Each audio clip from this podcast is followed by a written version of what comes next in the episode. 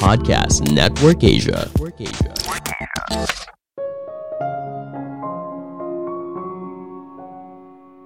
Menjalani hidup bukan soal kesempurnaan. Dalam perjalanannya, kamu mungkin saja mengambil keputusan yang salah, mempercayai orang yang salah, dan berada pada titik terendah.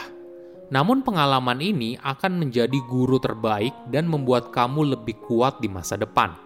Halo semuanya, nama saya Michael. Selamat datang di podcast saya, Sikutu Buku.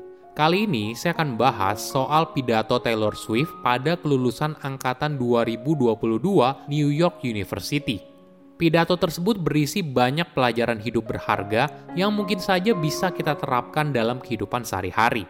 Sebagai informasi, Taylor mendapatkan gelar kehormatan atas jasanya dalam bidang musik dan filantropi pada acara tersebut.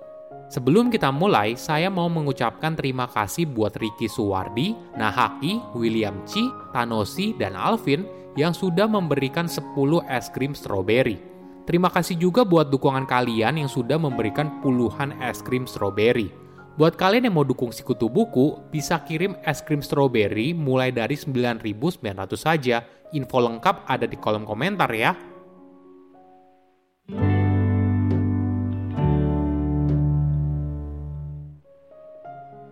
Taylor bercerita kalau dirinya tidak pernah punya pengalaman kuliah seperti orang normal. Dia pergi ke sekolah negeri hingga kelas 10 dan sisanya dilanjutkan dengan homeschooling. Selanjutnya, sejak usia remaja, Taylor sudah menghabiskan waktu untuk bekerja. Padahal memiliki kehidupan kuliah yang normal merupakan impiannya sejak kecil. Menghabiskan waktu di asrama, bertemu dengan lawan jenis di kampus, jatuh cinta, dan sebagainya. Namun Taylor tidak bisa mengeluh soal ini karena mahasiswa yang lulus pada tahun 2022 juga mengalami masa kuliah yang tidak normal karena pandemi. Mereka terpaksa harus terperangkap di asrama dan kelas tatap muka dipindah ke daring. Dari semua kejadian ini, para mahasiswa dan juga Taylor belajar kalau dalam hidup kamu tidak selalu mendapatkan apa yang kamu inginkan. Kamu harus bisa menyesuaikan dan beradaptasi dari kondisi yang kamu alami saat ini. Inilah fakta hidup yang harus kita hadapi bersama hidup terkadang terasa begitu berat, apalagi jika kamu berusaha memikul semuanya sekaligus. Tumbuh dewasa, masuk ke babak baru kehidupan, dan beradaptasi dalam lingkungan baru, kamu harus belajar untuk menangkap dan juga melepas. Mengetahui apa yang perlu disimpan dan apa yang perlu dilepas. Tidak semua hal harus kita simpan di dalam hati, apalagi hal yang negatif. Kita harus belajar untuk melepas agar hidup terasa lebih ringan Jangan lupa juga, ketika kamu sukses, itu bukan hanya berkat dirimu seorang. Setiap orang pastinya punya seseorang atau kumpulan orang yang mendukungnya hingga berada di titik sekarang. Orang yang selalu mencintai kamu apa adanya, orang yang percaya akan masa depan kamu, orang yang menunjukkan rasa empati dan kebaikan, orang yang percaya atas potensi kamu walaupun belum ada bukti apa pun Ketika kamu sukses, jangan pernah melupakan jasa mereka. Sama halnya dengan Taylor, dia bisa menjadi salah satu artis sukses karena dukungan dari kedua orang tua dan juga adik laki-lakinya. Mereka berkorban sehingga Taylor bisa fokus bernyanyi dari satu kafe ke kafe lainnya hingga akhirnya bisa menjadi penyanyi sukses di depan jutaan orang. Untuk mencapai sukses, tidak ada jalan pintas. Kamu perlu bekerja keras untuk meraihnya. Jangan pernah malu untuk mencoba. Orang yang tidak berusaha lalu bisa sukses, boleh dibilang ini adalah mitos. Taylor bercerita, orang yang tidak mau berusaha keras adalah orang yang ingin dipacarinya atau dijadikan teman saat sekolah. Namun orang yang gigih dan bekerja keras adalah tipe orang yang ingin direkrut ke dalam perusahaannya. Coba kita lihat perjalanan hidup Taylor. Sejak kecil dia sudah bekerja, dia mulai menulis lagu saat berusia 12 tahun dan sejak saat itu musik telah menjadi penuntun hidupnya.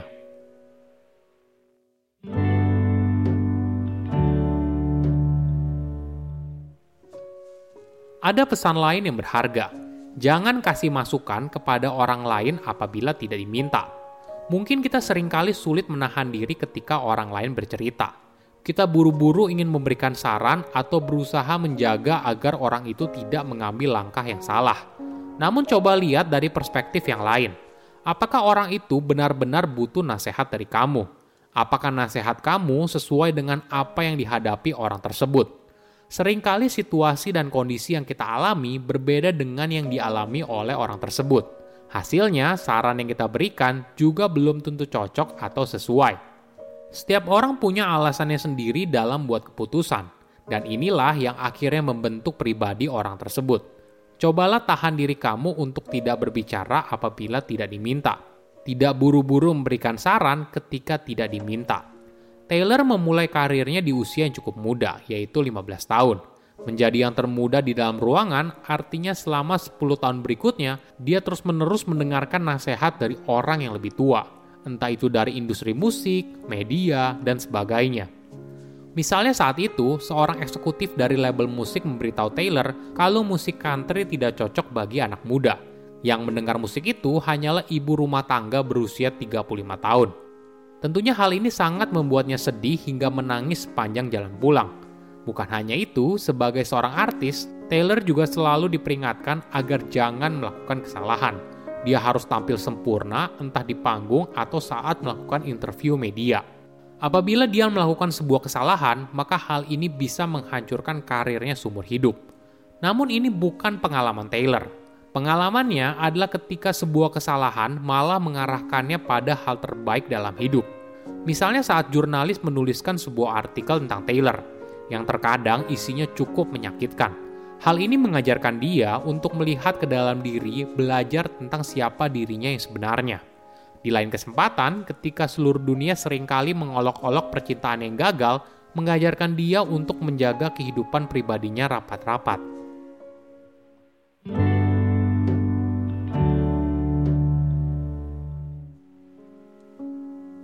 Ada kalanya tekanan hidup membuat Taylor sangat menderita apalagi jika diminta untuk selalu tampil sempurna. Dalam hidup, kita mungkin saja salah bicara, mempercayai orang yang salah, bereaksi terlalu cepat, melukai orang yang kita cintai, mensabotase diri, berada pada titik terendah. Semua hal ini mungkin terjadi berulang-ulang, terus-menerus. Kesalahan ini tentu saja bisa berdampak serius pada hidup. Kita mungkin saja kehilangan banyak hal karena ini namun di sisi lain, ketika kita kehilangan sesuatu, kita mungkin saja menemukan sesuatu juga. Selama kita masih bisa bernafas, maka kita akan bisa pulih. Kita akan belajar dari semua hal tersebut, kita menjadi lebih kuat. Oke, apa kesimpulannya? Pertama, sukses tidak dicapai sendirian. Ketika kamu sukses, itu bukan hanya berkat dirimu seorang, setiap orang pastinya punya seseorang atau kumpulan orang yang mendukungnya hingga berada di titik sekarang. Orang yang selalu mencintai kamu apa adanya, orang yang percaya akan masa depan kamu, orang yang menunjukkan rasa empati dan kebaikan, orang yang percaya atas potensi kamu walaupun belum ada bukti apa pun.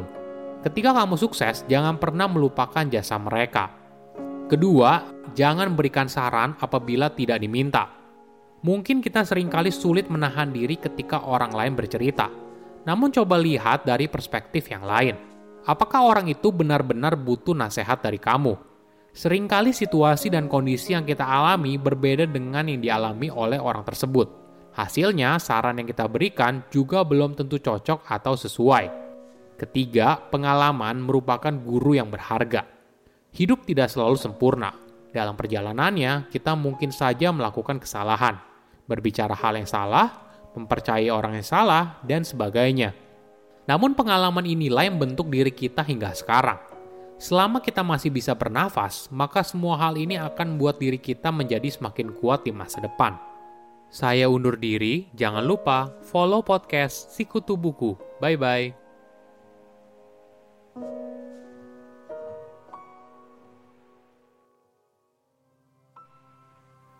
Pandangan dan opini yang disampaikan oleh kreator podcast, host, dan tamu tidak mencerminkan kebijakan resmi dan bagian dari podcast Network Asia. Setiap konten yang disampaikan mereka di dalam podcast adalah opini mereka sendiri dan tidak bermaksud untuk merugikan agama, grup etnik, perkumpulan, organisasi, perusahaan, perorangan, atau siapa pun dan apa pun.